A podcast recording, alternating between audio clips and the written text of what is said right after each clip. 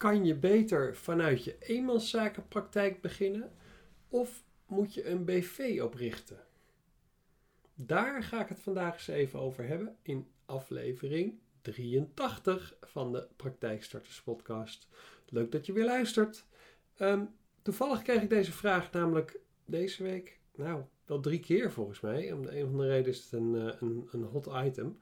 Uh, ik denk, nou, dan ga ik er maar even een. Uh, ik, ik denk zelfs een korte podcast aan wagen. Nou, dat zou voor mij een unicum zijn. Maar het is wel leuk als ik een keer binnen de 10 minuten blijf. Want zo'n spannend verhaal is nou ook weer niet. Maar goed, ik ga je een beetje op weg helpen.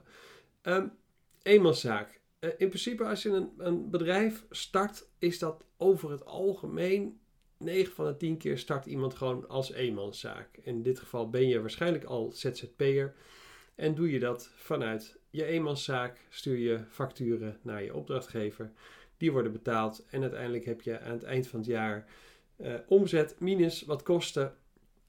Daar rolt een bepaald winstbedrag uit en dat winstbedrag betaal je um, inkomstenbelasting over. En daar zijn wat aftrekposten bij. Nou, tot zover niet zo heel veel spannends. Um, een BV uh, weet iedereen wel van dat, het, uh, dat je niet privé aansprakelijk bent. Dus als je grote verplichtingen aangaat, zoals bijvoorbeeld het starten van een praktijk, um, en het zou misgaan, dan ben je dus niet in, in privé aansprakelijk, maar is het puur een, een bedrijfsmatig ding.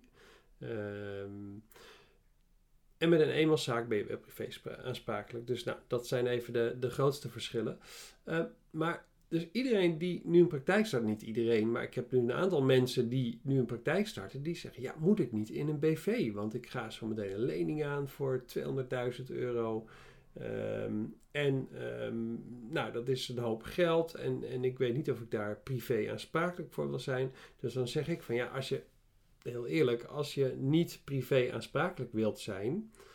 Um, dan, dan ben je dus ergens bang dat het misschien niet gaat slagen. En dan kan je ook afvragen of, uh, of dit het juiste moment is om een praktijk te starten. Want het, het, lijkt mij dat als je een bedrijf start, dat je dat altijd met de intentie doet uh, om daar een, een gezonde boterham mee te verdienen. Want ja, elk bedrijf moet nou eenmaal winst maken en een praktijk is ook gewoon een bedrijf. En uh, niet de intentie om het niet te laten slagen. Dus ook als het minder gaat dan dat je van tevoren had gedacht, dan vind je als ondernemer altijd wel een manier om het te laten werken. Mits je het natuurlijk uh, wilt laten slagen. Um, dus dan zeg ik er ook bij, de, dat is, kan ook de, de indruk zijn die je bij de bank wekt. Want ja, als jij met een hele jonge BV die net drie maanden is ingeschreven bij de bank aankomt van hallo, ik wil twee ton lenen dan zegt de bank ook van ja, daar zien we toch wel een risico in. Dus wat ik, wat ik vaak zie gebeuren is dat uh, de, de mensen die ik begeleid, die wel een BV zijn begonnen en daarmee de financiering willen aangaan, dat de bank zegt, joh, we zijn best bereid om te financieren, maar we willen wel dat je daarin privé meetekent. Dus dan wordt het gewoon BV en of multignist. Um, nou ja, dan heb je eigenlijk dezelfde situatie als een eenmanszaak. Mocht het misgaan met de BV, dan komen ze alsnog bij jouw privé uit. Dus in zoverre geen winst. Maar eigenlijk de belangrijkste reden om een wel of geen BV te starten, zou moeten zijn omdat je daar fiscaal gezien beter van wordt. Dus kijk, uiteindelijk betaal je in een BV minder belasting dan in een eenmanszaak. Maar, daar zeg ik wel bij. Kijk, een eenmanszaak is het, is het, uh, is het eerste tarief is uh, rond de 37 procent. Ehm, en het hoogste tarief is bijna 50 procent. Nee, dat, dat hoogste tarief dat ga je volgens mij pas betalen vanaf ongeveer 75.000 euro winst. Um, dus daarvoor zit je in een redelijk laag belastingtarief. Maar goed, bij een BV zijn die tarieven wat anders. Um, zit je met, met ongeveer 20%. En als je echt veel winst draait, moet je misschien 25% betalen. En dat is het. Maar, en daar komt het, bij een BV moet je extra kosten maken, want je moet een jaarrekening die geaccordeerd is door een accountant. De oprichting van een BV, dat doe je via een notaris. Um, en een eenmanszaak heeft nog een paar andere aantrekkelijke fiscale voordelen. Dat is de MKB winstvrijstelling. Dus 14% van de winst in je eenmanszaak is vrijgesteld van belasting. Ehm, en je hebt nu nog, hij is wel afbouwend, hij is dit jaar nog 3750 euro, de zelfstandige aftrek. Dus die mag je ook nog van je winst afhalen om, eh, en, en daar hoef je geen belasting over te betalen. Dus het komt er feitelijk op neer dat je pas een BV gaat overwegen op het moment dat je winst boven de, nou zeg, 140.000 euro uitkomt, iets in die richting. Ik heb laatst een berekening laten maken door uh, mijn belastingadviseuse. Ehm, want, kijk, ik, ik ga op een gegeven moment ook op een punt uitkomen dat een BV wellicht fiscaal interessant voor mij is. Ehm, dus ik heb haar gevraagd van, joh, kan je eens kijken op basis van een winstbedrag van, dus geen omzet, hè, winst van 150.000 euro, ehm, wat dan gunstiger is, een BV van eenmanszaak. Nou, en zij heeft die berekening voor mij gemaakt. Maar ze zegt erbij ook van, joh, het hangt ook af van hoeveel je uh, jezelf uitkeert per maand aan salaris, want daar hangt het ook mee samen. Uh, en als dat best veel is, dan kan een eenmanszaak gunstiger zijn dan een, uh, dan een BV.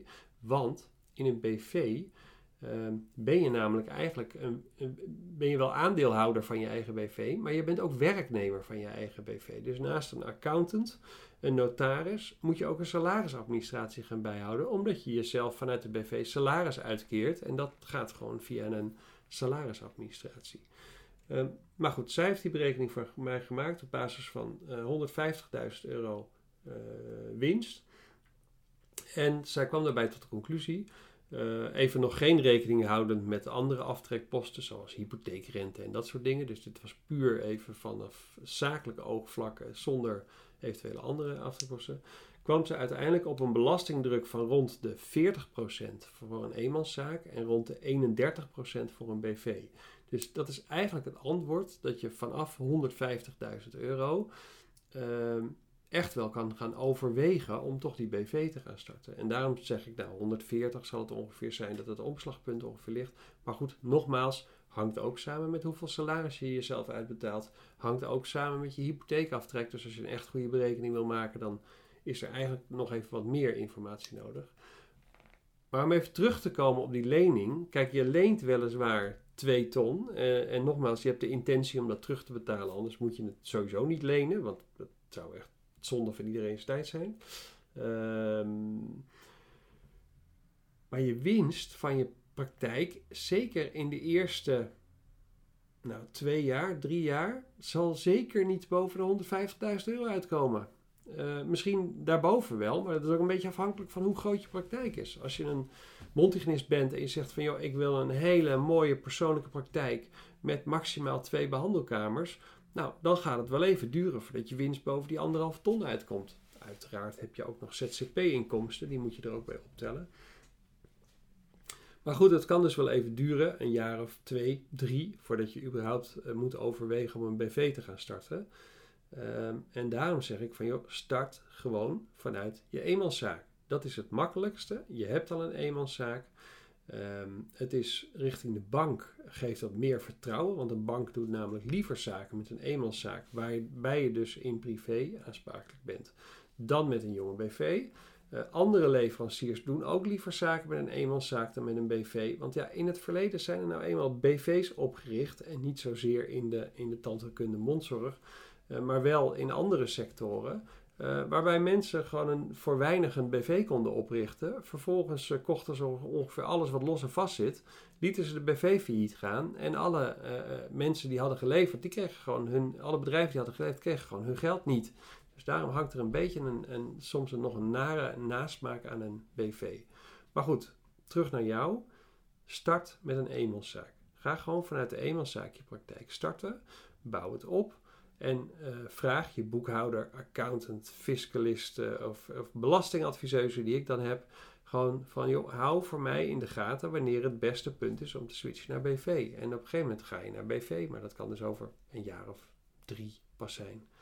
Dus nou, hiermee is, uh, nou, denk ik deze vraag. Oh, ik zit bijna op 10 minuten. Ik ga het net niet redden, denk ik. Nou, het vraag is in ieder geval opgelost. Start vanuit een eenmanszaak. En zet hem later om naar een BV.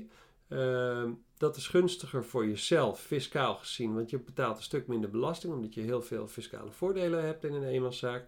Het is beter voor de bank, want die hebben meer vertrouwen in een eenmanszaak dan in een BV.